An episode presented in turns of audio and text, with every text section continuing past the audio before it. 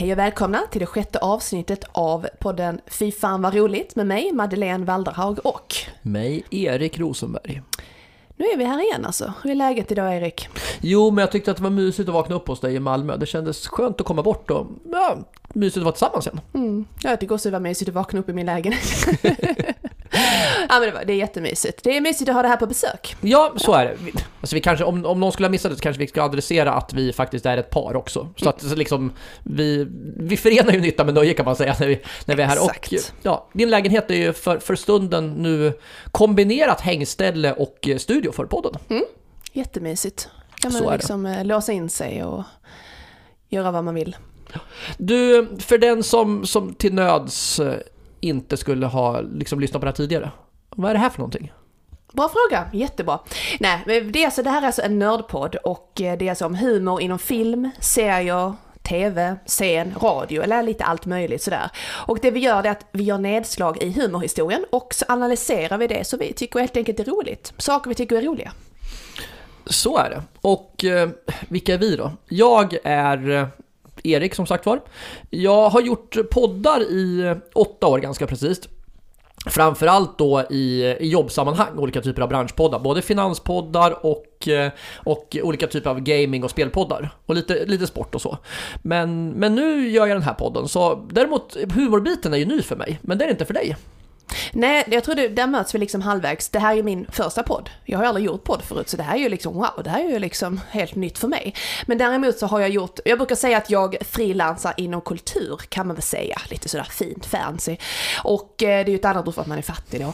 Men, men eh, jo, men man ska säga, att jag har frilansat och gjort saker inom kultur i väldigt många år. Eller Inom eh, musik, skådespel, modellsaker eh, och eh, med mest humor egentligen. Jag har gjort humor lika länge som du gör poddar. Ja, åtta, nio år ungefär har jag gjort det. Nej, tio, nio, tio år är det nu. Tiden rullar på. Uh, ja, verkligen. Så vi möts liksom där, att vi kompletterar varandra på det sättet. Mm, jätteroligt och det blev ju superbra för den här podden. Att vi verkligen mixar ihop det där. Och när vi ändå är inne på den här podden, som, som du sa att vi, liksom, att vi nördar ner oss. Så ska vi också säga så här, vi är ju ingen recensionspodd. Alltså vi, vi, säger, alltså vi, vi pratar ju bara om saker vi tycker själva är bra i någon mån, eller har, eller har tyckt varit väldigt bra. Det är inte så att vi tar upp någonting som vi tycker är uselt eller suger på något sätt. Alltså det är ju ändå rätt bra för liksom om eh, de som har skapat eh, liksom filmerna och serierna skulle lyssna på det här. Så att vi väljer inte saker vi tycker är kassa. Så att eh, pratar vi om er så tycker vi för att ni är grymma. Så det är liksom er. Och så vi skulle, det, det är lite konstigt att ha en podd där man liksom roastar någonting. Det hade varit så tråkigt och elakt. Det är inte riktigt vår grej va? Nej men så är det. Vi kan väl säga att vi, vi är lite en fanpodd egentligen. Ja, lite sådär fangirlar lite. Nej, inte riktigt kanske, men inte jag i alla fall. Kanske du. Men eh, lite sådär, ja lite, lite, inte groupie. Nej, Nej, men fan, nog fangirliga vissa grejer, det får jag nog säga. Du, ja, ja. jag- Jag ska gå händelserna i förväg lite och säga att det här avsnittet fangirlar jag som fan, det ska jag säga faktiskt. Ja, lite också. Ja. Lite. Men vad jag ska komma till, vi Mm. ska spo spoilervarna lite, för att eftersom vi inte är en recensionspodd utan vi bryter ner allting, så blir det ju en del spoilers. Vi pratar om saker, vi, vi avslöjar skämt och vi avslöjar upplösningar på olika, olika saker. Så, så lyssnar man på den här podden så vi kommer att berätta saker som man kanske inte bör veta om om man vill ha överraskningar. Så kan man säga. Ja, så är det. Så vad är dagens ämne då? Jo då, det är alltså den svenska serien Kvarteret Skatan. Åh, alltså, Juhu! Ja, så jävla bra måste jag bara säga. Alltså, vi, vi ska inte recensera, men Ja, och vi börjar direkt med att, ah fan, love it. så jävla bra som sagt. Men om någon nu skulle till nöds ha missat det, vad är Skatan då? Skatan är alltså en av svensk humors stora klassiker i, i sketcher. Det är alltså Eh, tre säsonger med olika korta sketcher baserade på återkommande hu- udda figurer, alltså i, i halvtimmes långa avsnitt. Det kan man säga är basen då. Och den sändes tre säsonger som sagt var, 2003 till 2006. Och sen har man följt upp det där med krogshower och långfilmer. Och, eh, och serien utspelar sig i en, i en ganska dyster och eh, kulen förortsmiljö utanför Stockholm. Man skulle kunna tro att det var Malmö om man inte visste att det var Stockholm. Så är det. Och nu är jag så jäkla stolt över att få lämna över tillbaka till dig, Madeleine, för du har ju tunga grejer här för det här avsnittet. Alltså till det här avsnittet så, det vi gör inför varje eh, avsnitt av vi gör research, det är att vi liksom, ja men vi googlar helt enkelt saker och går in på massa nördiga sidor och hittar information och ja, både för YouTube och allting. Den här gången Kvarteret Skatan fanns typ ingenting. Och det beslutade vi oss för att helt enkelt, då kontaktade vi de som har medverkat, vilket var full pott. Så att i detta avsnittet så har vi haft mailkontakt med både Mikael Syrén, och Johan Glans som har bidragit med otroligt värdefull, intressant och nyttig information som vi kommer att presentera här. Och det är vi otroligt, otroligt tacksamma för. Tack Johan, tack Micke. Ja, alltså tack så Alltså jag får gåshud när du säger det. På riktigt alltså. Det är så, det är så jäkla stort. Du. Ja, det gör jag. Alltså, det är stort. Ja, men om man säger så här att det är ju väldigt upptagna människor eh, och att de tar sig tid att svara. Det är otroligt ödmjukt, trevligt och framförallt väldigt hjälpsamt mot oss som vill som vill liksom presentera det här och behöver den här hjälpen så att vi är jättetacksamma. Så tack! Så vad har vi fått för information då? För det är väl det som lyssnarna vill höra, inte att vi sitter och tackar i 40 minuter till. Det är det. Nej, men vi hade lite, vi tänkte liksom så här att det mest, en av de mest intressanta sakerna är ju liksom hur uppkom idén till Kvarteret Skatan? Och det var ju lite så här som har fått förklarat för oss då att det var ju egentligen en nödlösning. För att de hade haft en planerad komediserie som hade ställts in. Och eh, den då, dåvarande dramachefen eh, Daniel Alfredsson, eh, han frågade då den, den då nu, nya producenten, nu har han ju varit där ett tag, men Mats Grimberg om han kunde komma på något som ja, kunde fylla det där tomhålet liksom. Helst skulle det vara snabbt och eh, helst skulle det vara billigt.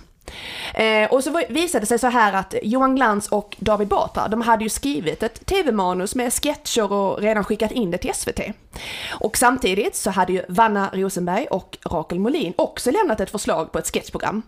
Eh, Grimberg, Mats då, satte ihop dem och tog in Anna Blomberg och Mikael Syrén som eh, då Mats hade jobbat med på radio tidigare då.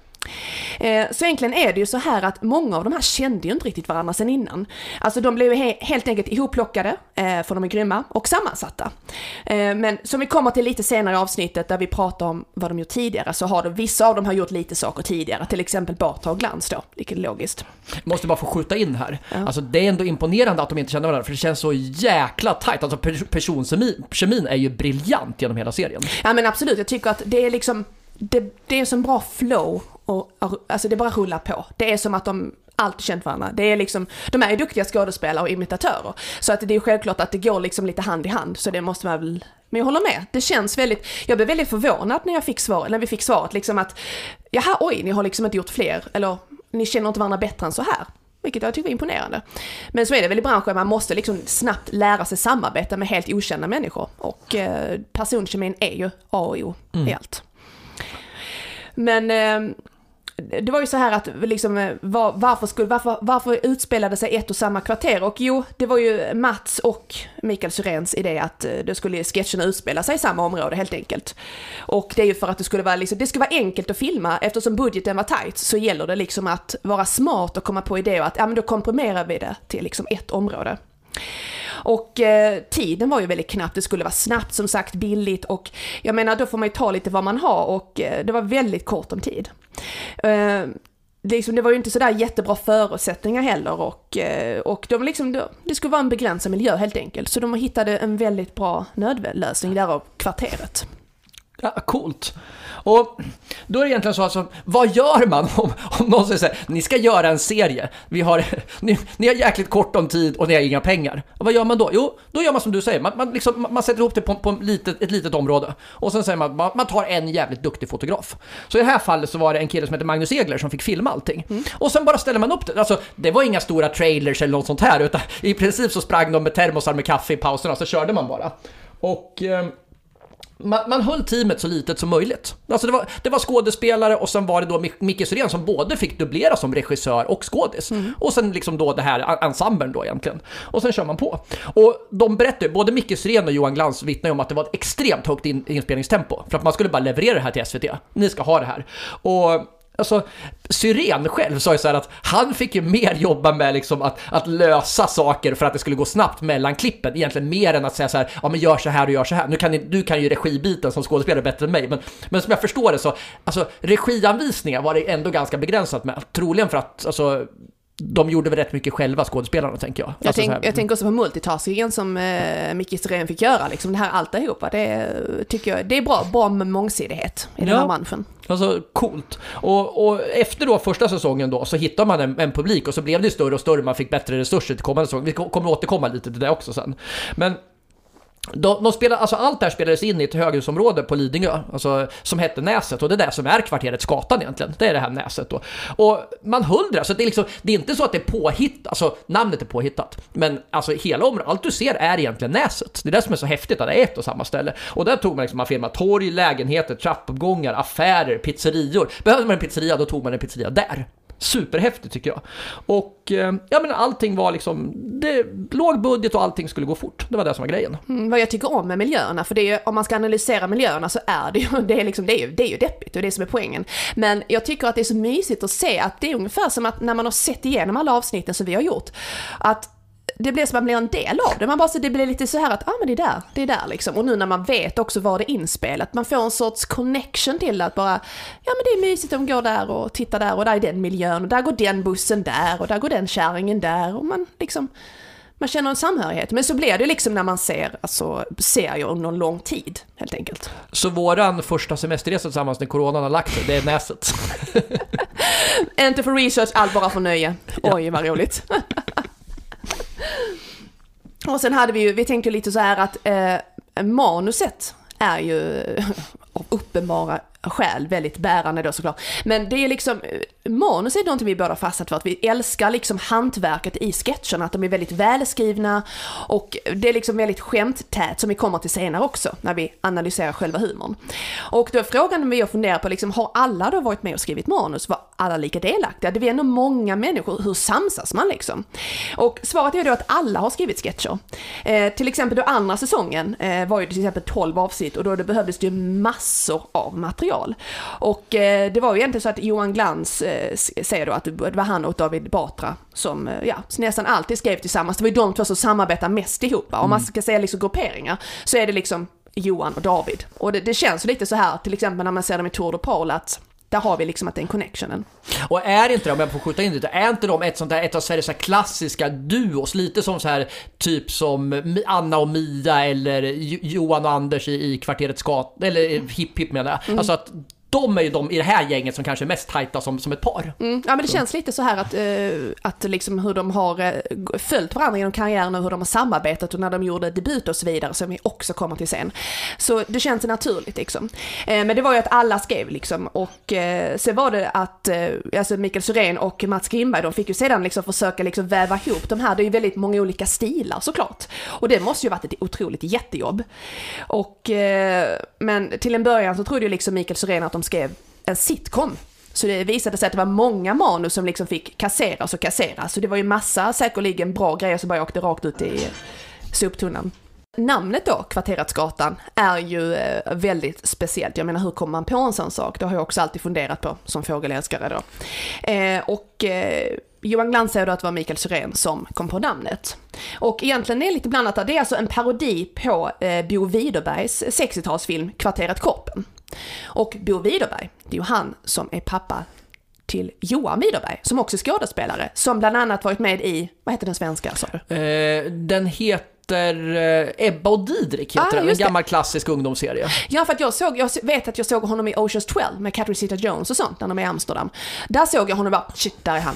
Och så kunde man namedroppa den där, det där, är Johan, trevligt liksom. Eh, och sen skulle det också vara liksom en, eh, alltså det ska vara, det ska vara lite som, kvarteret var det ju, kvarteret liksom, det är ganska lågt. Men Skatan är just för att det ska vara lite ruffigare klang, just för att själva miljön och namnet går bra ihop. Men de hade ju väldigt många andra namnförslag på vägen såklart, men det, till slut blev det så här. Jag tycker det är, det är en klassiker, det är liksom, jag vet inte, det är bara sådär, tonläget blir liksom kvarterets gata.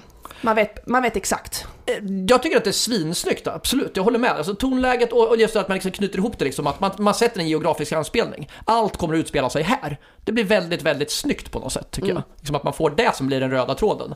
Och sen gör man ju om det lite. Alltså, vi, vad, vad kännetecknar Skatan egentligen? Ja, Men vi sa det, det är Sver- Sveriges mest klassiska sketchprogram. Men, men just som har en röd tråd i form av det här kvarteret.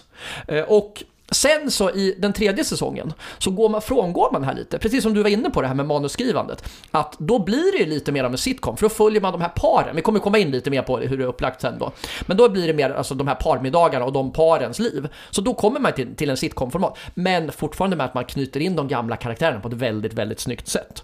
Och det är ju, när vi pratar om karaktärerna, överdrivna och udda karaktärer är ju väldigt mycket skatans signum. Och från igenkänningshumor på att man bara twistat lite på ganska normala människor till totalt skruvade personer.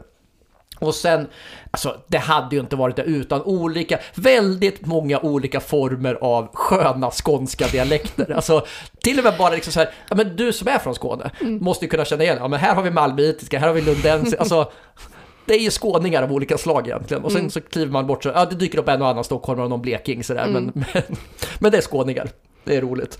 Och det som är lite förvånande ändå är att man inte går på imitationsspåret. Det är ganska vanligt i sketchen. Alltså, och du, de har ju två stycken, det var du som berättade för mig, jag känner inte till det så mycket som, som, som, du har koll på, att både Anna Blomberg och Rakel Molin är superduktiga imitatörer, har du berättat. Mm, absolut, de har gjort väldigt många. Alltså Anna Blomberg har gjort allt från Jimmy Åkesson till eh, ja, alla, alla möjliga egentligen. Eh, alltså det kommer vi till senare också, men hon är, både hon och eh, Rakel Molin är ju väldigt duktiga imitatörer. Mm. Så att det är konstigt. Jag vet inte varför de inte använder det kanske bara inte passade in helt enkelt. Men, Nej, precis, det kanske blev så. Och jag tycker ju att ändå att det är rätt skönt att man inte, alltså det finns så mycket imitationsgrejer i alla fall. Att man, att man fick en tydlig trade som verkligen håller.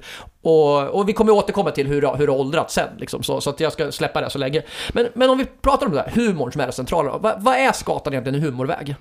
Direkt är det ju, alltså det är ju sketch, det är ju sketchhumor med väldigt fasta återkommande karaktärer. Så det är ju lite som du sagt tidigare, väldigt klassisk sketchhumor då. Sen har vi då, det är lite av min favorit, ju slapstick. Till exempel Brors galleri när han välter allting. Och han återkommer ju senare i andra scener, andra miljöer där han också välter allting. Det är alltså hög igenkänning där, men det är alltså slapstick. Jag älskar den sortens humor. Så. Alla Johan Glans ska sägas, det är ja, han som gör det här exakt. jättebra. Johan Glans är fantastisk på slapstick-humor. Fantastisk. Och jag tycker ändå det är någonting som försvinner med Johan Glans, att man inte tänker på att han gör det där så bra. Mm. Alltså när man tänker på svenska slapstick-skådisar så är inte han den man tänker först på. Nej, jag tänker inte på någon om jag ska vara ärlig. Morgan Alling har väl fått klä lite skott ah, okay. för liksom det där, så tänker jag. Men ja, du har rätt, annars är det ju inte så, någon större svensk... Ja, Gösta Ekman såklart. Mm, ja, ja, den, den stora såklart. Ja, ja, det är klart. Just det. Men annars så har du rätt, det är inte så mycket svensk tradition annars. Så. Nej, vi har ju även Joke in a Joke. Om man tänker på miljöerna, alla, alltså i eh, det här mellanfragmenten då innan själva sketchen när de filmar området, att de har de här roliga lapparna i trapphuset, ger en del idéer vad man kan göra. Men annars så, där är ju liksom hela tiden någon form av humor, både liksom framme och bak så att säga. Det kan någon som trillar någonstans eller någon lapp eller någonting. Så det har de vävt in väldigt bra. Det är inte hela tiden, det är inte väldigt frekvent. Det är väldigt skämttät, men det är inte alltid joke in a joke, men ofta. Mm. Eh, sen har vi ju, där är ju en del sexanspelningar i det. Uh, tycker jag, jag kommer inte på ett väldigt bra exempel just det, det kommer vi till senare. Men det är också att de har vävt in även den sortens humor i det hela. Det vore intressant eh, egentligen att fundera på om man hade liksom intervjuat alla personer där och fundera på så här, undrar om det är några av dem som har gjort mer, alltså vet om det liksom är beroende på vem som har skrivit manuset, för vi vet ju att de skriver liksom olika delar av det. Mm. Så, men det är kanske en del av skärmen att inte veta det också. Nej, det är också, det får man liksom, ja. Den.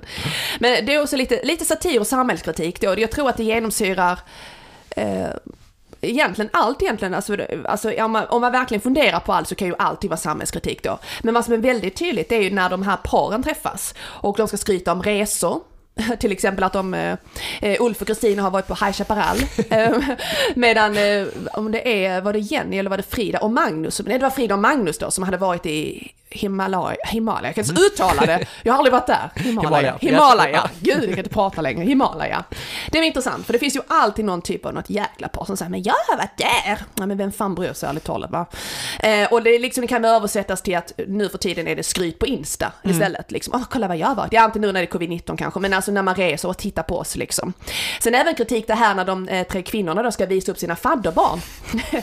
eh, och, eh, eller att de ska liksom bräcka varandra, de ska jämföra jämföra saker så är det liksom när det är Kristina, Jenny och eh, Frida då, att det är alltid Kristina som kommer med den absurda. Det är väl för att hon är gift med Ulf antagligen. Nej men just det här att de jämför fadderbarnen, vem som är sötast och så vidare. Alltså det har man, jag har ju själv träffat människor som är sådär helt oironiskt. Och när man ser det där så var det ju igenkänning bara, nej där har vi dem, där har vi dem jäklarna alltså. Ja och sen har vi det här med människors tillkortakommanden.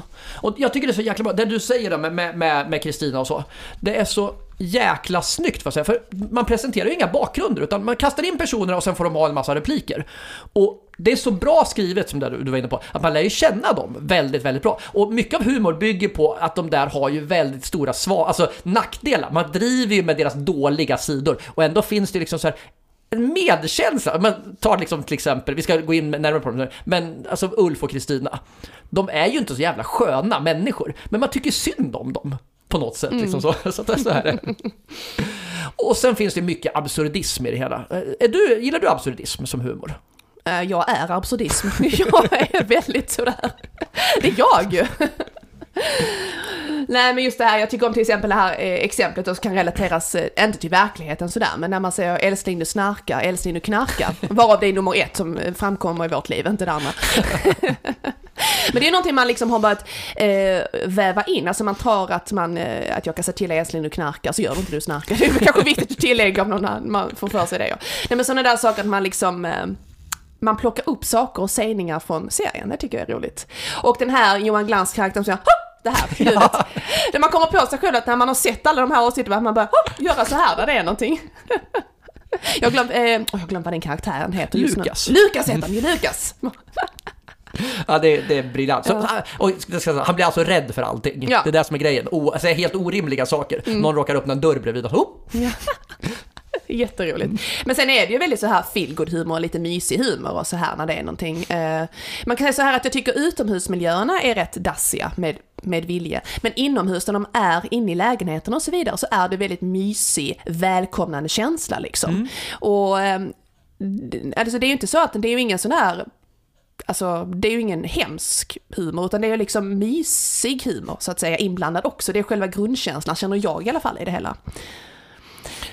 Nej, men jag, jag, håller med, det är inte, det blir, alltså det finns en del svarta grejer men det är ju inte nattsvart. Det är liksom ingen, det är ingen svart, svart humor utan man tittar på ett avsnitt och sen har man en bra känsla i det. Liksom, mm. Det balanseras ju upp av någonting, det är inte så att det är rakt igenom alltså, svart humor utan det balanseras upp med många olika stilar. Och det är ju antagligen för att alla varit med och skrivit såklart, att det har blivit väldigt, väldigt blandat. Och det är ju inte alls svajigt utan det är ju väldigt bra allting. Alltså, det, det, funkar ju att så många har varit inblandade i det jag, hela. Jag håller med. Det är nog, alltså, kanske den, kanske den sketchserie i, i, svensk historia som jag skulle som håller högst lägstanivå skulle jag säga. Mm. Enormt bra, alltså hela vägen. Det finns ingen som man tycker är liksom dåligt, utan det går från, från bra till svinbra verkligen. Och nu är det ju liksom ett tag sedan, första säsongen Eh, första säsongen kom 2003, andra 2006 och sista 2009 och det börjar bli rätt gammalt. Och därav tycker jag också det är lite, nu är det lite derail, men jag tycker det är intressant att se eh, alla de här lite så kallade äldre sakerna. Man hade liksom lite äldre mobiltelefoner, Nokian, eh, gamla datorer, tangentbord, alltså eh, så här stationärt. Jag tycker det är häftigt att se, häftigt, det låter som jag är 12 år, men jag, och liksom när de har VHS-spelare och sånt, alltså det är ju väldigt antikt säkert för många yngre, alltså betydligt yngre som tittar idag. Men så det, och det finns ju liksom inga, egentligen inga anspelningar till exempel på, även om internet fanns såklart på den tiden, så finns det inga anspelningar till internet egentligen. Det finns inga anspelningar till sociala medier som, som knappt existerade då. Nej, det är ju Vanna Rosenberg som sjunger World Wide Web. Ja. det är väl det närmsta. Ja. Men eh, det är ju liksom, där är olika karaktärer då liksom som kan ge liksom lite hög igenkänning, som relationen då mellan Tord och Paul till exempel. Just det här att man är, man är nödvändig att umgås med alla på arbetsplatsen och man är lite sådär Ja, det är ju liksom hög igenkänning men mm. de skruvar till det, vilket såklart är humorn i det hela. Och det är bara lite så, ja just så är det ju på vissa arbetsplatser, så är det. och, precis, och man bygger på att, på att känna igen personerna specifikt liksom, i de lägena också. Mm. Liksom, så, så ja, väldigt kul. Och det är ju, alltså, ett exempel är ju den här, alltså, totalt absurda karaktären av David Batra som heter Gert, hissmannen. Mm. Som, som är helt, alltså totalt, det är ju absurdistisk humor. Men ändå så är det ju den här grejen att en, en person som, som verkligen söker kontakt, desperat med alla. Vi, alltså varenda människa har ju någon sett de här excentrikerna som bara börjar prata och man bara tycker vad är det här för människa? Men alltså desperat kontaktsökande. Mm. Det är liksom, man, man, blir, man känner ju med dem på något sätt. Ja, men jag känner också det att han kan väl liksom, jag vet inte vad det är som jag tolkar, men han kan väl representera den här typen av så kallat konstig människa som söker, eller det är ju ingen konstig människa, men som söker lite udda. Helt enkelt. Lite eljest som min mamma skulle säga. jag vet inte ens vad det betyder. det är hjärt. Eh, men musiken då, om man tänker så här att själva ledmotivet är ju, eh, jag, jag gillar ju den, fan jag har alltid tänkt så här att, ja fan, det är ju, jag gillar liksom bitet och så liksom hur det är kopplat till, liksom, till bilderna i bakgrunden och så här filmningen. Och tydligen så är det Låten heter Being Boiled av Human League. Och den hela låten i sin helhet med faktiskt text och allting finns att höra på YouTube. Vi kan verkligen rekommendera att man faktiskt googlar då mm. Eh, det namnet och det bandet och kollar upp det. Och en annan sak som vi inte tänkt på och jag inte visste det här från början, det kanske du visste i och för sig, det är att en av deras eh, alltså mesta hit egentligen, det är ju Don't You Want Me. Den här Don't You Want Me Baby, mm. den här liksom.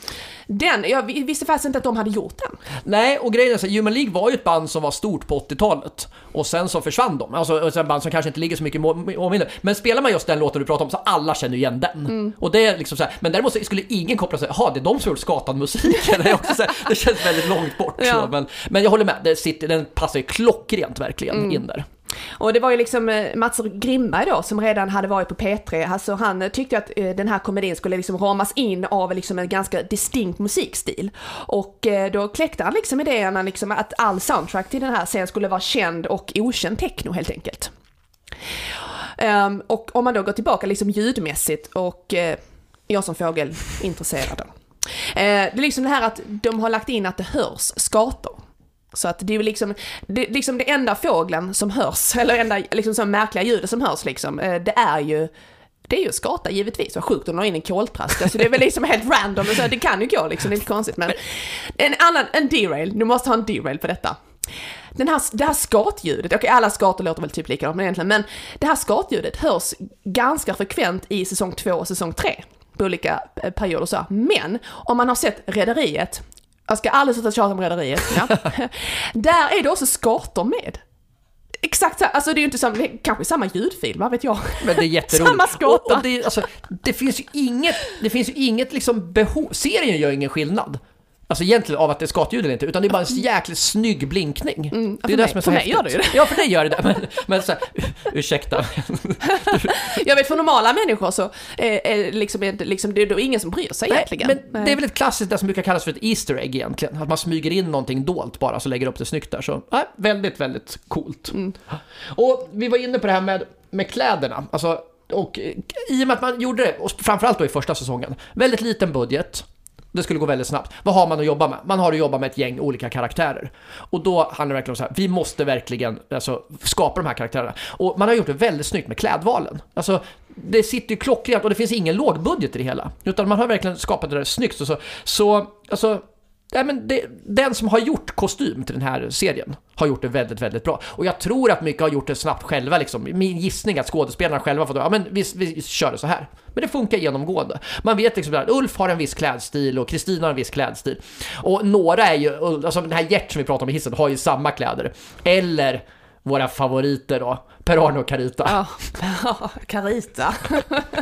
Underbara. De, de två det alkoholiserade paret i husvagnen är ju ett alltså, underbart ett exempel på hur man liksom med, med snygg kostym och rekvisita har verkligen skapat en, en bra miljö som, som funkar. Och det är inte bara det, utan att just för att eh, när det är lågbudget och att just, det handlar också om att de är väldigt mångsidiga som skådespelare allihopa. Att de liksom, med de här liksom alltså knappa hjälpmedel som liksom kostym och peruk, att de kan verkligen utveckla och skapa en karaktär. Alltså det krävs ju mångsidighet och det är inte så jätteenkelt alltid, varken med dialekter eller att träda in och bli liksom, alltså en annan roll eller karaktär. Utan det är klart att man blir inspirerad av själva outfiten, men det måste ju komma inifrån från dem själva att de är duktiga skådespelare. Vi har ju en liten, en liten hedersgrej i varje avsnitt, att vi ska liksom försöka knyta an det till tidigare saker i serien. Här är det ju näst intill eh, alltså omöjligt att, att göra någonting eftersom det här är det första svenska vi analyserar. Och, eh, och då blir det svårt att koppla det till gamla grejer. Det är klart att vi säkert skulle kunna hitta någon bakdörr till, alltså som du pratade om så här, att man går via, via, via namnet och sen Bo Widerberg. Men vi är ute på ganska tunn is då liksom för att komma liksom internationellt. Men, men visst, visst skulle det funka om man, om man vill det. Vi har ju liksom, svenska comedy-scenen är ganska liten och sen så kopplar man det till, eh, till någon som har varit ute internationellt, till exempel Björn Gustafsson eller någon. Men med det sagt så har vi inte lyckats här. Så Nej, det är väl bara så att det är första svenska Ja. eh, som vi analyserar. Så vi tänker väl att vi kommer däremot att kunna knyta ihop alla svenska grejer, det är jag rätt, rätt övertygad om. Mhm. Ja. Så och med det sagt då, när vi har varit inne, vi har varit inne och pratat på det, men vilka är de här människorna som, som, som gör den här serien då egentligen, Madeleine? Mm, vi börjar med eh, Johan Glans då, eh, från Eslöv. Eh, jag vet osäker om han behöver någon närmare presentation sådär egentligen, men det, det gör vi, så vi kör på detta. Han har ju även gjort Halvvägs till himlen, Åsa-Nisse-filmer, Parlamentet, Morgonsoffan, Spamalot eh, på Nöjesteatern i Malmö tror jag det var, eller var det Slakthuset? Men han har gjort Spamalot. Eh, World Tour of Skåne, Swedish Dicks med Peter Stormare, fantastisk serie. Vunnit flera priser och eh, han gjorde debut 1994 och eh, just nu så eh, kan vi avslöja att han just har filmat klart eh, filmen Snälla kriminella. Och han håller på att faktiskt spela in en eh, serie som heter Home Invasion. Som eh, kommer visas eh, på Viaplay. Och den spelas just nu in i Budapest. Lite intressant. Det... Coolt. Mm. Var inte blyg nu med Halvvägs till himlen. Man kan faktiskt säga, man ser det, om man, om man vet vart man ska titta så du dyker upp ett par gånger där i Ja, den serien. jag är med I olika där. roller. Yes, Ja. där är jag med. Det är coolt. Spelar bland annat med eh, Johans fru Sara Young och eh, Jenny Skavlan faktiskt, bland annat. Coolt. Ja, men faktiskt jätte, jättebra produktion tycker jag själv. Det var inte, det är inte jävligt. Jag tycker Mm. Nej, det. Jag, jag, så, jag som såg den och tyckte om den innan jag lärde känna dig, Ja. håller med. Jag tycker Mm. att det är en jättebra humorserie. Den är väldigt rolig. Eh, och sen då, den, den andra personen eh, som, som man brukar lyfta fram då är ju David Batra. Ja. Så, eller andra personer, alltså hela, hela ensemblen här ska jag säga så är ju briljant då. Men, men David Batra, eh, som, det går inte att prata om David utan att prata om Johan och vice versa egentligen. Eh, så de, de gjorde standup-debut tillsammans 94. Eh, David har ju blivit känd också för att han har skrivit mycket böcker, till exempel Vän av ordning och böcker så här, eh, Arga lappen i tvättstugan och så vidare. Eh, han har också gjort Morgonsoffan, även tillsammans med Johan Glans. Parlamentet, Cirkus Muller, Jättebästisar, Mumbo Jumbo. Han har gjort Skolan med Anders Jansson från Hipp Hipp, Solsidan. Alltså, du kan bara bomba på. Han är jurymedlem i Talang också. Och han hade programmet Världens sämsta indier. Så det är David Batra, så gjort massor med saker och är ju, precis som Johan, en av Sveriges största komiker. Det får, måste man säga om honom. Sen har vi ju då Anna Blomberg. Eh, hon är ju en fantastiskt duktig imitatör. Jag är så grymt imponerad av henne. Eh, hon har ju, som jag sa tidigare, bland annat gjort Jimmy Åkesson, Lill-Babs, Hollywoodfruarna, eh, Maria Montazami då. I serier har hon varit med i Starke man, Wallander, hon har även haft Anna Blomberg show.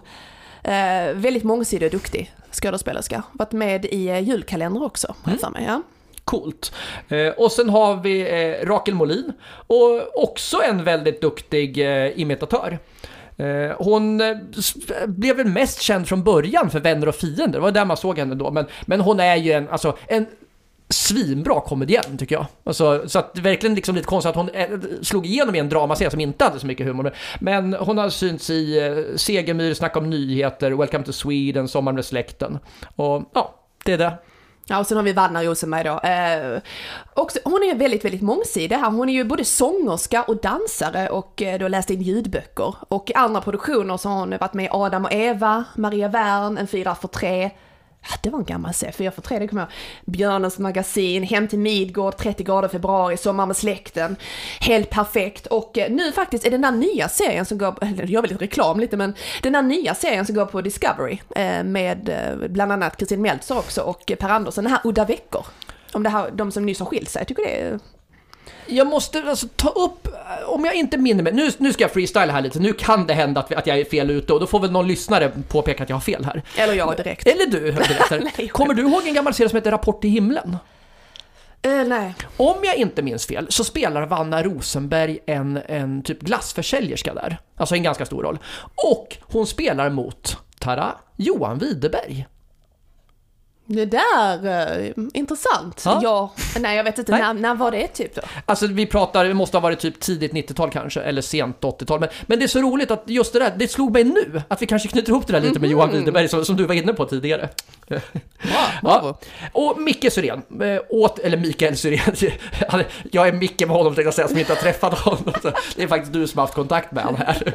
Men, men Mikael Syrén, återigen då, alltså briljant eh, tack för, för hjälpen här, men också briljant jobb i, i serien. Han är ju den som har regisserat den här serien, skrivit stora delar av manuset och han gör ju också en helt underbar roll som Per-Arne i ah.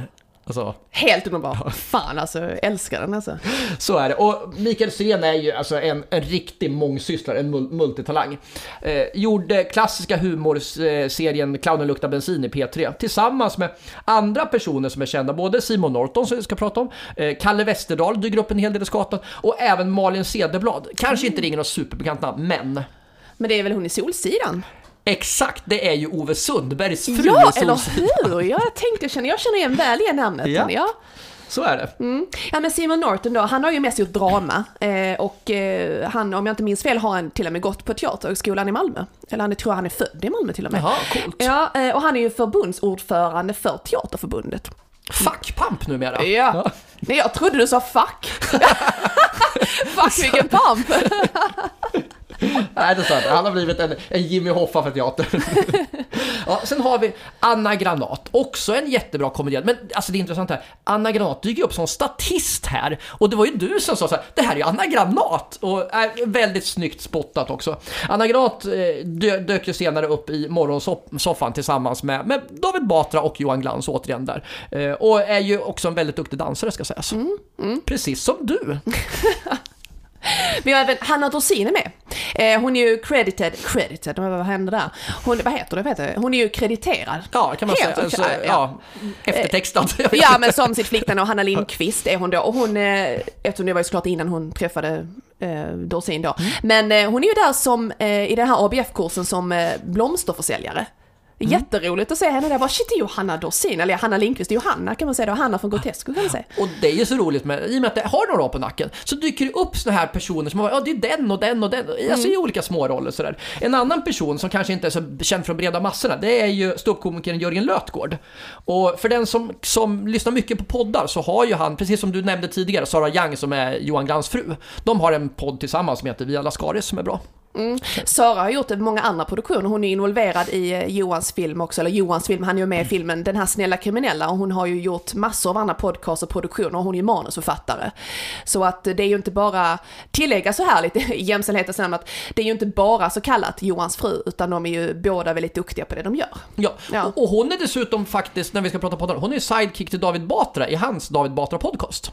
Också, så så det, det är en lit, liten värld tänkte jag säga, men de är ju, de, man får ju anta att de alla känner varandra i det här gänget så att säga. Så. Och sen så har vi Ulf Kvensler, som en gammal eh, Uppsala-student som bland annat har haft en, eh, typ en, ett revygäng med, eh, tillsammans med, faktiskt med Henrik Hjält och Micke Tornving. Ja. Hade ett revygäng som, eller ett spexgäng som heter Humorator, väldigt, väldigt bra. Så, och alla, alltså man kan ju säga så här, det har ju gått rätt bra för det där gänget, både, både Hjält och, och Tornving och Kvensler är ju superframgångsrika numera. Kvensler gick ju ganska mycket mer än de andra två manussidan. Så han har ju skrivit manus, alltså stora grejer. Detta har hänt, Karo Segemyhr, Engelskt tålamod, Solsidan. Men har också gjort en del skådespeleri och det, alltså i Skatan gör han både manus och roller.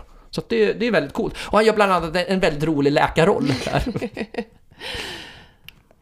Ja, och sen har vi då, som, som du har pratat, nämnt väldigt mycket här, Mats Grimberg, som är producenten till det här.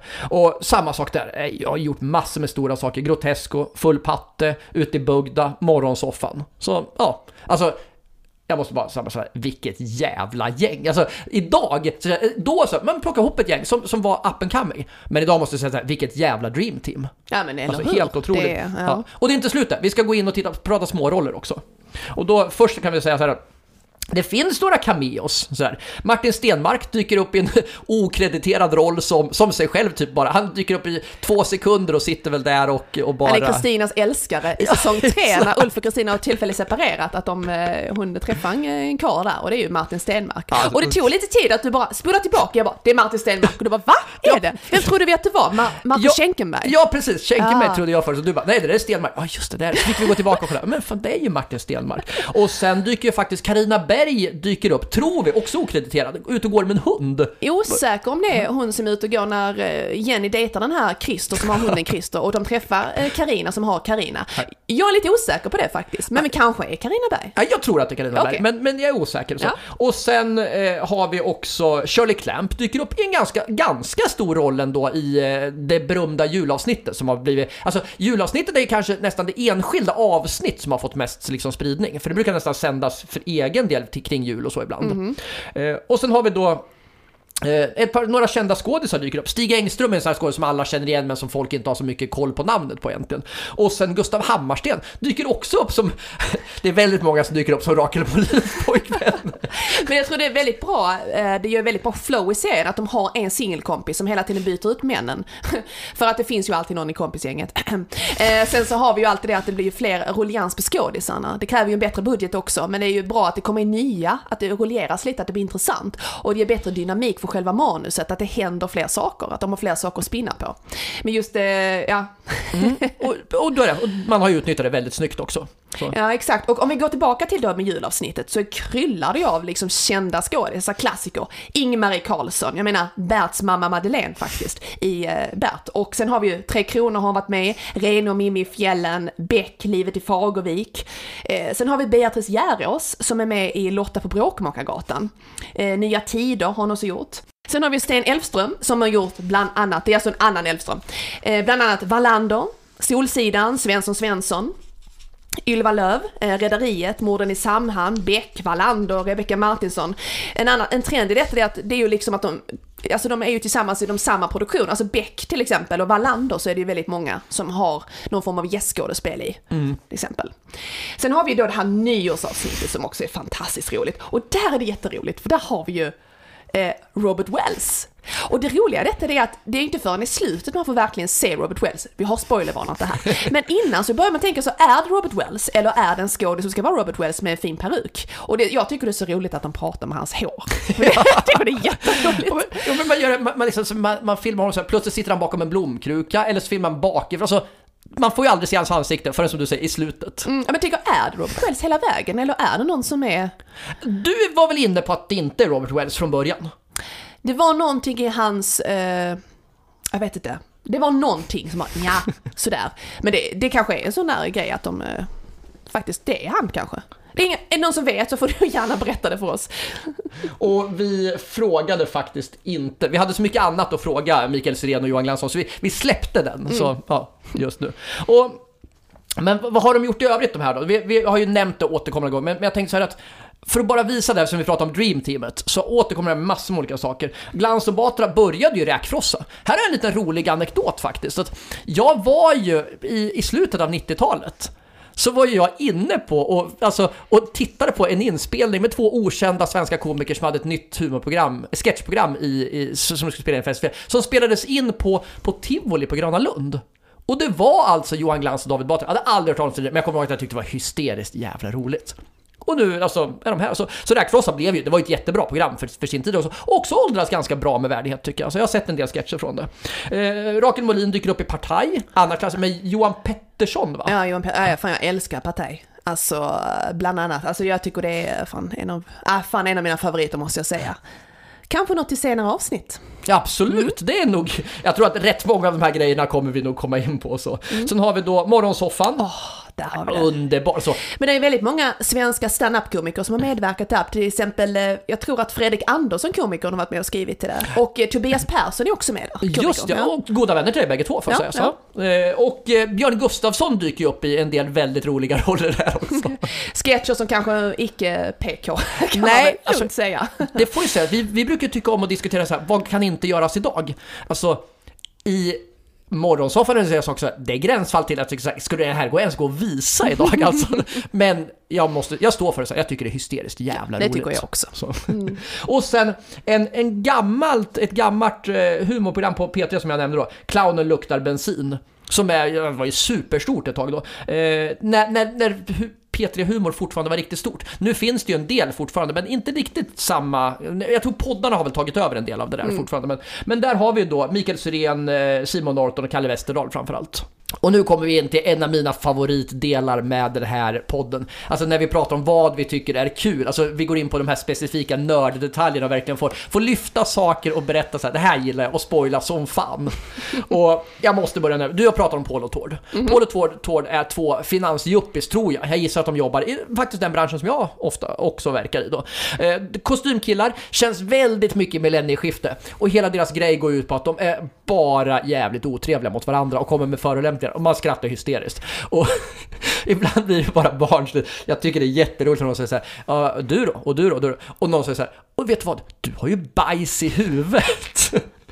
Jag må vara nästan 50 år gammal, men jag tycker det är jätteroligt. Det är jätteroligt. Det är väldigt roligt.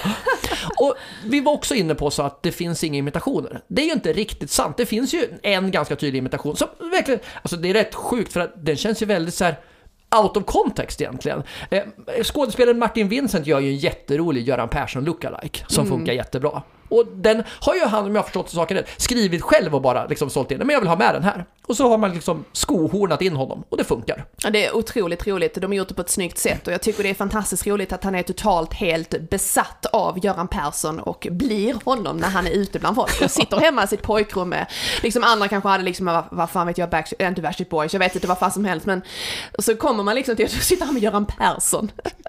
Det påminner lite faktiskt om vi ska deraila, som du brukar göra, men nu ska jag göra det. Det påminner lite om en sketch som Hipp Hipp har, eh, där det finns en blind nazist som eh, älskar liksom så här eh, att han också har någon lite så här, lite udda, lite märklig person att vara liksom besatt av. Eller personer, nu var han i och för sig nazismen, Göran Persson, ingen koppling, jag gör ingen koppling till det här, det här blev fel. Ingen koppling mellan de två. Men jag tycker bara att själva, liksom eh, temat, att det är två ovanliga personer. Liksom. Verkligen. Nej men bra. Sny, snygg koppling. Jag instämmer helt. Eh, ja, och sen har vi ju alltså en annan roll. Vi pratar om Simon Norton. Och alltså han har ju en jäkligt rolig komisk timing och han blir ju direkt obehaglig i vissa scener på ett verkligt snyggt sätt. Jag tänker på den här psykopatchefen som han spelar när Johan Glans ska söka jobb. Han sitter med en blomspruta och varje gång Johan Glans säger något fel så sprutar honom i ansiktet med blomsprutan. Alltså väldigt enkelt men funkar så jävla bra. Det värsta är att det finns faktiskt sådana psykopatchefer på riktigt. Det är... Det, ja, ja, alltså just det där med blomsprutor har jag inte sett men... nej, nej, men just det här tendenserna liksom så här. Men jag tycker att Simon Norton gör det fantastiskt bra, tycker jag. Otroligt. Och där ser man ju också, man märker av att, eh, liksom att det är någon annan, eh, alltså dramatisk utbildning bakom kan man säga. Att man, man eh, ser att det där är tränat skådespeleri. Jag håller med. Och det finns ju en annan Väldigt roll. proffsigt så att säga. Ja. Och den rollen när han gör taxichauffören. Mm. Är ju också, är det nyårsavsnittet? Va? Det är nyårsavsnittet. Ja. Vi trodde ju först faktiskt det var Ulf Kvensler. Jag bara, nej men det där är inte Ulf. Men det är inte Ulf. Det var inte Ulf. Nej, Det var nej, inte. Ulf. Det Det var Simon. snyggt spottat Madeleine. Det var ja, riktigt bra. Och sen en annan favoritkaraktär som också, de dyker inte upp så mycket men det finns ju två stycken butiksbiträden i form av Johan Glans och David Batra som sitter och fikar i den här förbutiken där, man, liksom, där de lämnar in tipset och så. Och hela den här sketchen bygger på att Johan Glans inte följer med i tiden. Och då säger han så här men har du hört talas om det här med internet? Och han, han liksom så här, det är helt jättestort och, och David Batra, ja, internet är ju ganska känt. Och sen så här, 9-11 förklarar de, han bara, va, va, vad fan, var, varför ingen berättar det här? Alltså det har ju varit rätt stort. Och, så, liksom, och det är svårt att återge det, men det blir ju väldigt kul av att de gör en grej av liksom att, att hans totala okunnighet, att inte har, liksom, har missat det här totalt. Och det är också så här, alla känner väl någon som inte hänger med i nyheterna, som inte har någon koll på samtiden. Och så liksom har man blåst upp det enormt mycket. Eh, och sen någonting som ligger mig varmt om hjärtat eftersom jag då, som, som nämnt, så är, är din pojkvän.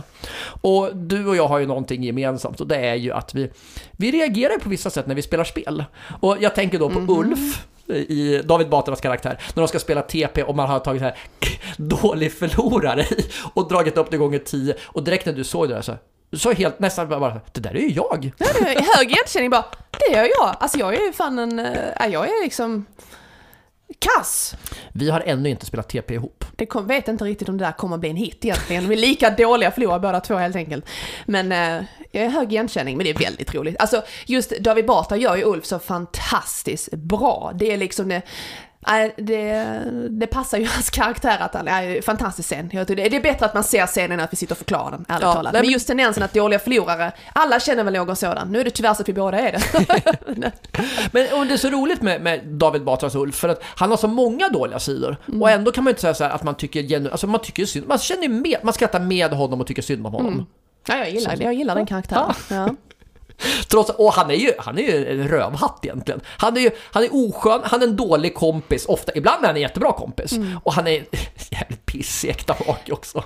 Nej, rätt så. Det är väl därför de liksom separerar på prov i, eh, i trean då, att Kristina får nog helt Ja. enkelt och sådär. Och eh, ja, det... Och har- där ska jag säga, i det avsnittet när de separerar, där har du kanske den svartaste humorn i hela kvarteret Skatan. Mm. Ulf som mer eller mindre, alltså utslag, samhällsutslaget. Och det är också en ganska blinkning till hur folk har, alltså, alltså Hur det kan hända. Ja. Alltså det kan ju hända. Det är ju liksom en universell möjlighet att sånt kan hända. Det ska väl sägas att ganska många fall när folk har blivit hemlösa och så har ju börjat med en separation.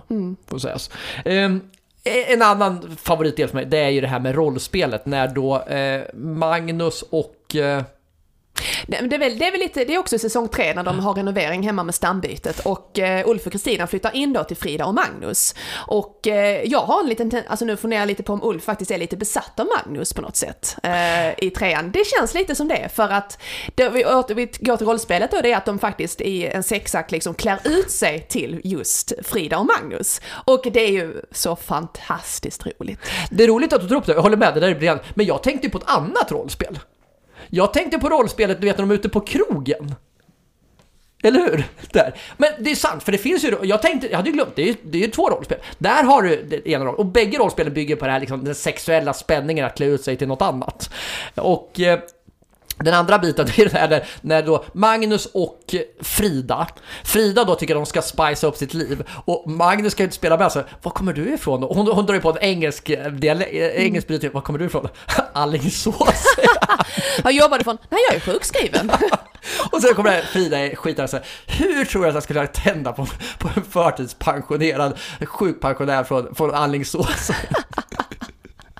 Ja, det är roligt. Och sen har vi då, alltså, när, återigen här vi pratar om då parmiddagarna som är ju centrala. Och där finns det, det är en guldgruva jag sa. Ja, just, alltså just de här paren, liksom några av mina favoriter också. Liksom, klassikern är som jag tror cirkulerat en hel del också nu på Insta, bland annat i klipp på Facebook, det är ju det här, alla har vi gjort något olagligt och David Batra då kontrar till sist med att han har ju, alla har vi dö- jag har ju dödat en person. helt random och det är liksom typiskt lite Ulfs personlighet att man bara helt random hade sagt, ja det jag tycker det är så otroligt roligt. Det har ju blivit en klassiker. Tror att det är den Inte mest, att döda någon utan sen tror du att det är den mest citerade repliken i, i skatan, hela skatan?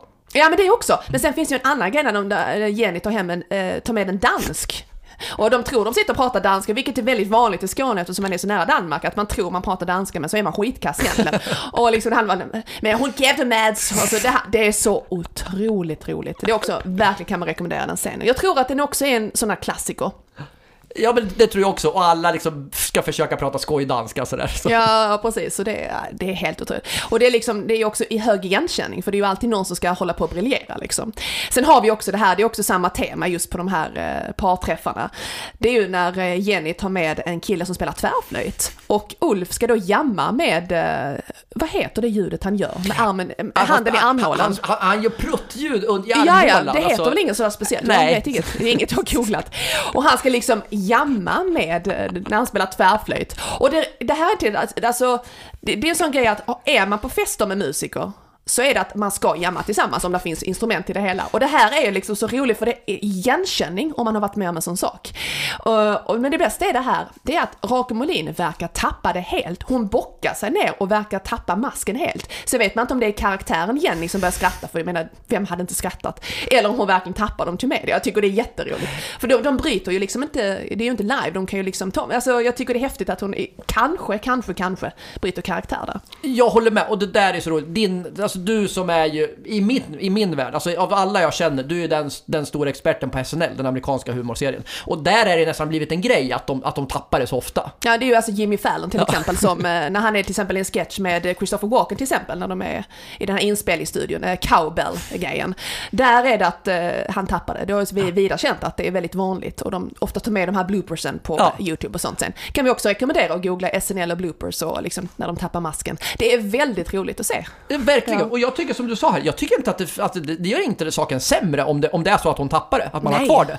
Tvärtom tycker jag så här, det visar ju liksom på mänsklighet och roligt liksom att, att de genuint har haft kul själva när de har gjort det. Det, det adderar saker tycker jag egentligen.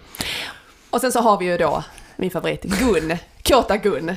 Det är liksom, ska man säga hög igenkänning? Nej, kanske inte åldersmässigt men Jag brukar inte be dig Madeleine om att du ska göra en, en, en eh, imitation här, men du måste dra en, någon Gun-replik här alltså för folk ska liksom höra. det får ju nästan bli Patreon. Det, Det får ju bli- nästan lite... Okej, det blir Patreon exklusivt. Håll utkik efter vår Patreon så får ni höra. Madeleine har utlovat att hon gör Kåta Gun på Patreon. Ja, det Va? får vi se. Ja. Bra! Men vem- är Gun då? Ja men lite sådär, jag, när man eh, kollade upp det här och, och gjorde research just på Gun, karaktären, så var det ju att eh, eh hon verkar bo i Malmö. Jag såg något klipp från en show hon hade gjort, liveshow, när det, fann, när det väl begav sig, man kunde ha sådant här trevligt, så eh, var det liksom att hon sa att hon bodde i Malmö, det mm, var jag också. Eh, och det är passande. Men så tänker man på den här saken, eh, det bygger ju faktiskt på, om vi ska vara lite, lite moraliska här nu, det bygger ju faktiskt på att det är en kvinna som sextrakasserar män. Och direkt direkta tanken när jag såg detta efter allt diskussioner nu för tiden och med tanke på vad metoo har liksom tagit upp och så vidare allmänt. Det hade ju absolut inte funkat om det var en man. Alltså på riktigt, det hade ju inte gått. Tänk alla anmälningar. Det hade- Eh, det hade ju bara blivit obehagligt egentligen. Ja, och, men, men så tänker man så här att grejen är det att komiken ligger det är, är att det är en kvinna. Hade det varit en man som hade gjort det, man bara uh. Alltså, på något sätt. Det är liksom, man frågar liksom, alltså liksom när hon, vi, jag tycker det är hysteriskt roligt, ska jag säga det. Jag tycker karaktären och själva scenerna och allting är fantastiskt roligt, det är briljant och manuset och många älskar det. Och, um, men samtidigt, liksom att låsa in, låsa in brevbäraren och när hon pratar med han från eh, Skånska Dagbladet, alltså att han ska liksom, alltså sälja prenumeration, alltså just det här, alltså det, det är så många olika saker som eh, jag vet inte, jag, jag älskar det, men det kan, om det ses med fel ögon, med ett helt annat perspektiv, så blir det, kan det bli fel. Men intentionen är ju givetvis inte att vi ska kolla sex trakasserier är okej, det är ju aldrig okej. Men det blir, det är ju, det är ju humor. Det är ju just humor, det är ingen dokumentär vi pratar om liksom. Nej, och sen ska väl sägas också, det har ju aktualiserats, om jag, om jag ska dra en, liksom, en liten allvarlig vinkel, alltså det har ju pratat mycket om det här vet, med, med kvän, mäns våld mot kvinnor på sistone och så. Och det är ju den vinkeln, alltså det finns en, alltså vi brukar inte gå in så politiskt här, men det finns ju en obalans här. Så jag tycker att det är rimligt att man ska kunna skämta åt det hållet men inte åt andra hållet. Alltså jag tycker att, den här, att, att det här är roligt, det står jag för fortfarande. Att det funkar. Just för att, som du säger, för att det är en kvinna liksom, mot, mot män så att säga. Ja. Så håller det. Och, och det är okej att det inte hade hållit åt andra hållet. Så. Men sen så ligger det ju också lite tragik i det hela, det är att hon, hon är ju väldigt ensam. Så det visar ju egentligen en väldigt, väldigt kåt och ensam kvinna i behov av kontakt. Egentligen som är väldigt, väldigt kontaktsökande på väldigt obskyra sätt egentligen. Så det kan man också anta att liksom, karaktären är ju jävligt bra, men det är ju också innerst inne väldigt ensam och väldigt glad och kåt ändå, givet kan man ju vara ändå. Men det liksom ligger väldigt djup i det hela om man går ett steg längre. Är inte det här lite hela skatan i, i ett nötskal egentligen? Att det, det finns väl, alltså alla karaktärer egentligen är ju, alltså finns det ett djup och lite av en svärta och en sorg i många av dem egentligen också. Mm, ja, men till exempel eh, våra favoriter som jag höll på att säga vi relaterar till, vad ska man säga, Per-Arne och Carita. Alltså det är liksom, som vi sa innan, Syrene är lysande, Anna Blomberg är också lysande givetvis. Det ligger ju något vackert i det här trasiga miljön, det är trasigt, det är ingen fel på en husvagn, men det är liksom det här lite så kallat i så här citationstecken fattiga förhållandena, att de har varandra, de älskar varandra oavsett miljön. Jag tycker det är vackert. Och att de är, de har valt varandra. De vill vara med varandra. Ja, jag håller med. Alltså, Fan, jag blir nästan lite rörd. Men jag tycker det, det är ju en kärlekshistoria. Det är väldigt vackert, liksom folk bara, åh vad tragiskt, åh vad tråkigt, vidare. Men liksom, de gör det bästa av situationen kan man ju säga. Till exempel i ett avsnitt när de åker till en herrgård, så tar de ju med bara husvagn och ställer utanför. Ja, men vi åker dit, ja, det gör vi Carita. Alltså jag tycker det är så fint. det är det verkligen. Och som sagt de är ju, ja, men de har varandras ryggar hela tiden. Sen är det ju just det här alla kurserna då, som när Johan Glans är eh, ledare, det är liksom väldigt klassiska ABF-kurser eller kurser i allmänhet, även universitetskurser, att där sitter alltid folk som man bara tänker, varför är ni här? De bara sitter, och du är liksom eh, Anna Blombergs karaktär Jasmine till exempel. Eh, nu kommer jag inte ihåg vad hennes make heter, men de skaffar barn i sista, eller ska ha barn, i, eh, sista, i sista säsongen. Och det blir också väldigt komiskt. Men det är också så här typiskt att till exempel pantominkursen då, att de tydligen missförstår allt. Det är så otroligt roligt. Ingen vill göra pantomimer. Nej, det är liksom det. Ja, det är väldigt kul. Och det är, som du sa, det är, det är igenkänningshumor. En av mina favoritdelar, det är ju det här som vi pratade om i julavsnittet. Där man då har tagit in oigenkänningshumor istället. För att, alltså är det någonting som julen bygger på så är det traditioner och klassiska grejer. Och då har man då, när, när Ulf åker hem till Kristina, Ulf och Kristina åker hem till Kristinas släkt. Och eh, Kristina, eh, Kristinas släkt visar sig vara, de är helt, alltså det finns inte en tradition. Ulf säger så här, men vi kan sjunga den här julsången. Det känner de inte till. Julklappar känner de inte till. julgranar, alltså de, deras traditioner är helt, helt udda. Och det, det är det som är humorn som bygger på liksom att man har en helt totalt egna grejer på allting. Så jätteroligt att man har gjort, man har gjort en grej av så kallad, oh, eller så kallad, jag, jag kallar det nu för oigenkänningshumor. Och det visar sig att Ulf, som är den här karaktären som vi pratar om som verkligen är konstig, han är den enda normala personen i det där sällskapsfiran. Till och med Kristina blir konstig i det där sällskapet. Och, eh, och Ulf då, alltså om man bara ska ta Ulf, alltså det, som, det som gör honom är ju att han har sån brist på social kompetens. Han har inga ambitionsnivåer och han är snål och svår att tycka om, men, men man gillar honom någonstans egentligen. Och en karaktär till som jag vill lyfta upp, det är ju de här tatuerarna som heter Jenny och Peter. Pet De Desi och Peter. Desi och Peter, ja. förlåt. och Peter är ju rolig då, där har man gjort en grej att han aldrig säger någonting. Utom i en enda scen där han då pratar i telefon och kommenterar egentligen så. Vi pratade innan liksom att vi hade informationen var det var inspelat någonstans. Det är liksom lite andra miljöer också. Och det är ju att scener är ju faktiskt inspelade på Norra Brunn i Stockholm. Och det tycker jag är häftigt för att man, eh, man verkligen känner igen både scenen, jag tror att det är Bror, eller någon av karaktärerna, som gör eh, stand-up framträdande. Och de, den här dansgruppen de hade tillsammans, de här tre tjejerna, de har ju också dansframträdande. Och det är på Norra Brunn, det är väldigt häftigt. Och det ska väl sägas nu i din, eh, du, du brukar vara blygsam på det här, men du har ju mm. faktiskt stått på Norra Brunn själv som ståuppkomiker. Ja, och det är ju ingen, det är ingen rookie-scen så, utan liksom, de har ju ändå en hög standard så, så det Absolut. Häftigt. Eh, alltså, det är ju inte bara etablerad utan de, ibland eh, vill de att liksom fler självklart ska få sina chanser och testa sina vingar där. Så jag, det har jag varit två gånger och det är jag jätteglad och tacksam för. Väldigt häftigt ställe, otroligt. Kan vi verkligen rekommendera att gå till. Verkligen besök Norra Brunn. Så är det, alltså klassisk mark. Och där har vi ju, för de som undrar så här, vad är Norra Brunn? Ja, vi kan väl säga så här, släng dig i brunnen är Norra Brunn. Mm -hmm. alltså, det är ju... Så. Eh, där även Johan och David varit med bland annat. Verkligen. Och både skulle jag säga tror jag i de riktigt tidiga omgångarna. Mm. Alltså sent, inte de allra tidigaste då, när, på, någon gång i tiden var det väl typ Babben och, eh, och Lenny Norman. Ja. Där. Men, men, på de här omgångarna sen typ i slutet av 90-talet, när det var, då var det väl Johan Glans, eh, David Batra, Magnus Bettner, eh, Måns Muller och några till. Alltså det var det gänget så att säga. Ja. Och nu har man gjort en ny, ny sändning, så det har kommit, kommit och gått då. Och efter de här tre säsongerna med Skatan så tog man det här konceptet vidare och framgångsrikt. Jag tycker det är häftigt så här, man gjorde två krogshower och en långfilm också. Om jag börjar då krogshowerna lite så, det är egentligen samma grej fast man, man plockade in Alltså, Rakel Molin och Anna Blomberg och Vanna Rosenberg hade lite problem att delta av olika anledningar i bägge krog, krogshowerna. Så då fick ju andra klassiska komediens så att säga dyka upp. Cecilia Frode, Josefin Bornebusch, Tova Magnusson och Eva Röse har ju alla varit med i Skatan. Inte i tv-serien, men i krogshowen. Så de får ju räknas som en del av Skatan, alltså legenden sådär. Mm. Och, och, du har sett filmen? Absolut, jag har sett Kvarteret Skata reser till Laholm. Den har jag faktiskt sett på bio med mina föräldrar. Och eh, det var så här, jag tänkte så här när jag, nu när vi har kollat igenom allt. Filmen har vi inte sett på nytt, men se, eller själva serien. Och då är det att i säsong tre så är det ju väldigt fokuserat på själva paren. Och därefter kom ju långfilmen, så jag undrar om det är en lite snygg genomgång från att vi, ja, vi börjar fokusera på själva paren istället och så går vi över och gör en långfilm om paren som då reser till Laholm. Bara, jag vet inte om det är säkert, men det är bara en tanke. Eh, men i den filmen så är det ju Klara Simmergren, komikern, eh, skådespelare, som ersätter då Anna Blomberg.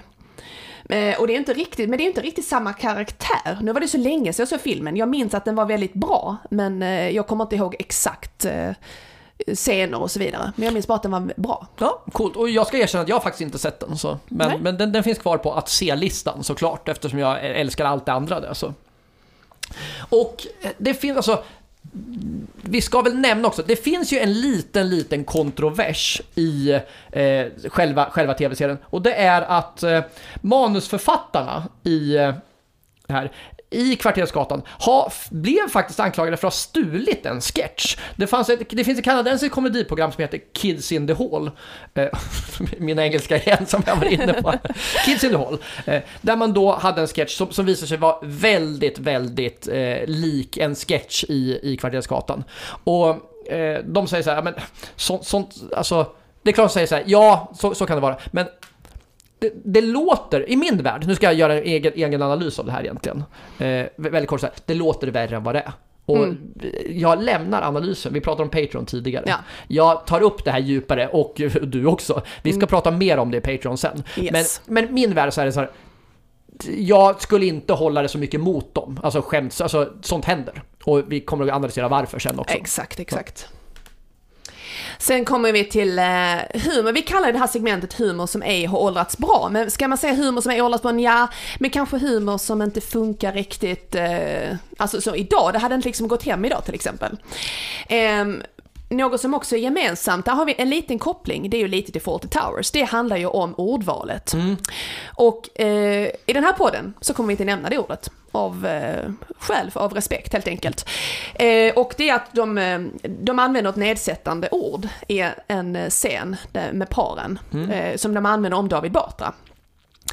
Eh, och det används ju, orden kommer jag inte nämna, men det används ord som jag antar inte hade funkat idag, gissar jag på. Det har ju varit en väldig diskussion huruvida man ska någonsin använda det här ordet egentligen, som när, man pratar om, om mörkhyade personer, eller inte. Och det, det ordet används ju i kvarteret Skatan och det används ju också i Fawlty Towers av majoren. Absolut, och det ska väl sägas att jag, jag tycker sketchen är, alltså så här, sketchen är väldigt rolig. Det, det, det, det står jag för. Men jag förstår problematiken. Och den skulle inte kunna ha gjorts på det sättet idag, tror jag. Men, men den, är, den är kul. Nej men sketchen är fantastiskt bra, Ja. den är, den är briljant och den är väldigt välgjord och man fattar, alltså den, man fattar liksom att poängen är inte att, alltså den är ju fantastiskt roligt. Eh, och eh, jag rekommenderar, ja jag tycker faktiskt man ska se sketchen för att förstå det hela liksom. Men jag, poängen i det här är att vi gissar att det hade inte funkat idag eller om ens hade blivit accepterat eller gått igenom någon form av manus genomgång egentligen med tanke på ordvalet. Men det är ju såklart av komisk effekt. Det är ju, ingen som, det är absolut ingen som säger det här för att liksom eh, förnedra någon, utan det är bara komisk effekt. Absolut, så är det. Ehm, och en, en annan sak som jag, som jag tänker så här, som, som jag tyckte var problematisk, ska jag erkänna själv, det är ju att man gör en grej av, Rakel Molin som vi pratade om med alla, alla killarna, att hon blir ihop med en 15-åring. Och där kan jag också känna så här, det hade ju blivit ramaskri om det hade varit tvärtom. En man som hade blivit ihop med en 15-åring. Här skrattar man om den kan också tänka så här, är det roligt egentligen? Att hon, att hon raggar på en 15-åring. Ja, det vi kanske också bygger på att 15-åringar kanske tycker det är lite spännande med äldre kvinnor också, eller äldre och äldre, hon är väl lite, ja, 30-årsåldern, lite äldre. Men att de tycker det är spännande åt det hållet. Jag tycker det roliga i detta det är att hon vaknar upp hos honom hemma och mamman väcker honom och hon sedan får träffa liksom hans föräldrar och hon bara, vem fan är du? liksom. och hon sitter och röker i köket, det är så jävla bisarrt helt enkelt. Det, precis, det den biten. Sen finns det en del som vi sa, andra ord. Vi, vi tog upp liksom det, det första n-ordet där egentligen. Men det kommer ett gäng andra ord också som är sådana saker som, som inte liksom riktigt håller längre idag. Eh, jag kan ta ett exempel som, som är liksom, kanske lite mindre kontroversiellt, men, men indian används ju till exempel inte längre. Nej. Gör man också en grej av. Det finns liksom andra saker, liksom, gamla ord för romer och så vidare. Sådana saker som, som egentligen liksom inte hade gjorts på samma sätt idag tror jag. Nej, det är sant. Och sen, det är ju, serien är ju gammal. Alltså Ja. den är ju liksom 2003, jag menar det är 18 år sedan. Ja. Det är ju väldigt länge sedan, så det är liksom, man hade ju inte samma eh, även om man kanske kan tycka att det är fel ordval och man använder det liksom i form av komisk effekt. Så eh, vet man ju innerst inne att det är inte okej att säga liksom. Man vet ju det liksom. Det är ju, Nej, men så, så, det är en generation som har gått. Absolut, absolut. Och det kan man säga lite som att när man ser VHS i serien, att det liksom, där, ja, det är något som har liksom uppgraderats till att man, man, ja, man har annat tankesätt helt enkelt. Eh, vi kan väl också adressera att det finns en del, en del skämt om, om så här, eh, Homosexuella. Ja, Ja som känns lite så här. Eh, idag så är det väl inte jätteroligt längre att skratta åt att folk är lite fjolliga. Alltså liksom sådär. Alltså det, Jag tror det handlar om att det, har, eh, det är enklare för personer, eh, homosexuella, att komma ut och vara tryggare. Jag säger inte att det är enkelt, jag har ingen erfarenhet alls av detta. Det är klart jag har bekanta och så här som är homosexuella. Men jag har ingen erfarenhet och kan aldrig någonsin sätta mig in i hur det känns. Men det känns som att det är enklare på något sätt och ett annat socialt stöttande nätverk nu för tiden. Att komma ut och vara sig själv, vilket är jättebra. Och därav tror jag att det är inte lika chockartat. Oj, han är ju homosexuell. Ja, ja, okej då. Det är liksom så, det är ju så normalt. Det är ju normalt. Det är liksom, det är ju liksom fine. Det är ingen som rycker på axlarna och tycker att det var ju, det är ju inte konstigt. Det har aldrig varit konstigt, men reaktionerna är inte så starka längre. I alla fall inte från normalt tänkande människor. Men mm, så är det ju. nej, precis. Och Sen har vi ju det här, det här är ju något som man tänker, det är när de, eh, det här undrar jag lite så här, det här maskeradscenen, när de tre tjejerna kommer utklädda som clowner allihopa. Eh, Jenny tar med sig sin nya pojkvän, rabbinen Isak, som kommer direkt från eh, synagogan i sin eh, kippa, och möts av en heilande Johan Glans som Hitler. Det är jätteroligt. Det är jätte, Det jätteroligt. är roligt. Det, här är ju, det hade ju aldrig funkat ur kontext, alltså det måste ju vara på maskerad. Var ska man annars placera detta om man inte gör en historisk eh, eh, tolkning av något? Men det, det är roligt. Mm. Kan dock tänka mig att kanske lite svårare idag. Med tanke på allt eh, hur antisemitiskt många sa, alltså, Ja. som finns i samhället så tror jag att det är lite svårare idag. Det kan nog stämma faktiskt. Och framförallt i, i du, du som eh, bor och är uppväxt i Malmö som har haft mycket problem med antisemitism också. Mm. Så eh, kan, det, alltså, kan jag tänka mig att, liksom att det finns en... Alltså, det, är ett problem. Och apropå det, vad som är idag, så har vi också en, alltså en ganska stor karaktär där, där David Batra spelar taliban. Som Ja. är jätteroligt då. Som jag tror, med tanke på utvecklingen sen 2003, också är så här kan vara svårt att få, alltså det är inte så här, kanske inte så kontroversiellt att göra sketch om det, men hur många som tycker det är kul idag är en annan sak också. Mm, och om man vågar skratta åt det, till Ja. exempel när, när eh, Britt och Conny som de heter. Det är ju också väldigt roligt. Sådär. Det är liksom, de ska upp på bussen och de liksom, ja men jag får inte igång den här själv, alltså bomben som liksom eh, Conny eller David Batra har runt sig liksom. Eh, Jag vet inte riktigt, det där känns lite som att det är, mm, har blivit känsligare med tiden så att säga, med tanke vad som hänt i Sverige och omvärlden med sen, de senaste åren och utvecklingen gått. Och hur diskussionerna är både politiskt och liksom allmänt, så tror jag nog att, ja kanske inte. Nej, jag tror också, alltså vi ska komma Fast ihåg det är roligt. Det är, det är humor, det är humor. Man skrattar, man skrattar inte åt en självmordsbombare, man skrattar åt humor. Det är det hela. Och det bisarra, det är ju bisarrt. Ja, det är, och det är jätteroligt. Och man, man, det, är, det är snyggt gjort som allt annat, såklart. Mm. Ja, och nu är det lite så här att det är ju många, alltså Kvarteret Skatan har ju varit en, eller är en jättesuccé såklart. Och det är ju många som undrat liksom vad jag har pratat om liksom genom livet, att liksom, och vi har ju liksom frågat, finns det då tankar på att göra en ny säsong av Kvarteret Skatan? Och där är det väl lite svävande svar som man kan säga så här att det är klart att de tycker att det hade varit roligt att göra det tillsammans men det är ju så här att de är ju väldigt upptagna allihopa även om det är covid-19 tider så gör de ju saker. Det man kan ju jobba ändå på ett säkert sätt med restriktioner och så vidare. Eh, men det är klart det kanske, ja. De sa ju inte nej, så Nej, kan vi säga. Så kan vi säga. De har inte sagt ja och inte sagt nej så vi låter det där vara lite öppet. Spännande. Så, så är det. Du, vi ska börja runda av det här. Det är ju ändå vårt, vårt hittills med rätt stor marginal längsta avsnitt. Det här är, alltså, och om någon har missat under vissa perioder varför jag har suttit och skrikit, det är för att det finns eh, någon som gör en lövblåsare ute här någonstans, min, my favorite, mitt favorithatobjekt. Så att eh, om ni undrar varför vi har skrikit ibland och pratat högre, så bakgrundsljudet är eh, blandat av naturljud och eh, lövblåsaren.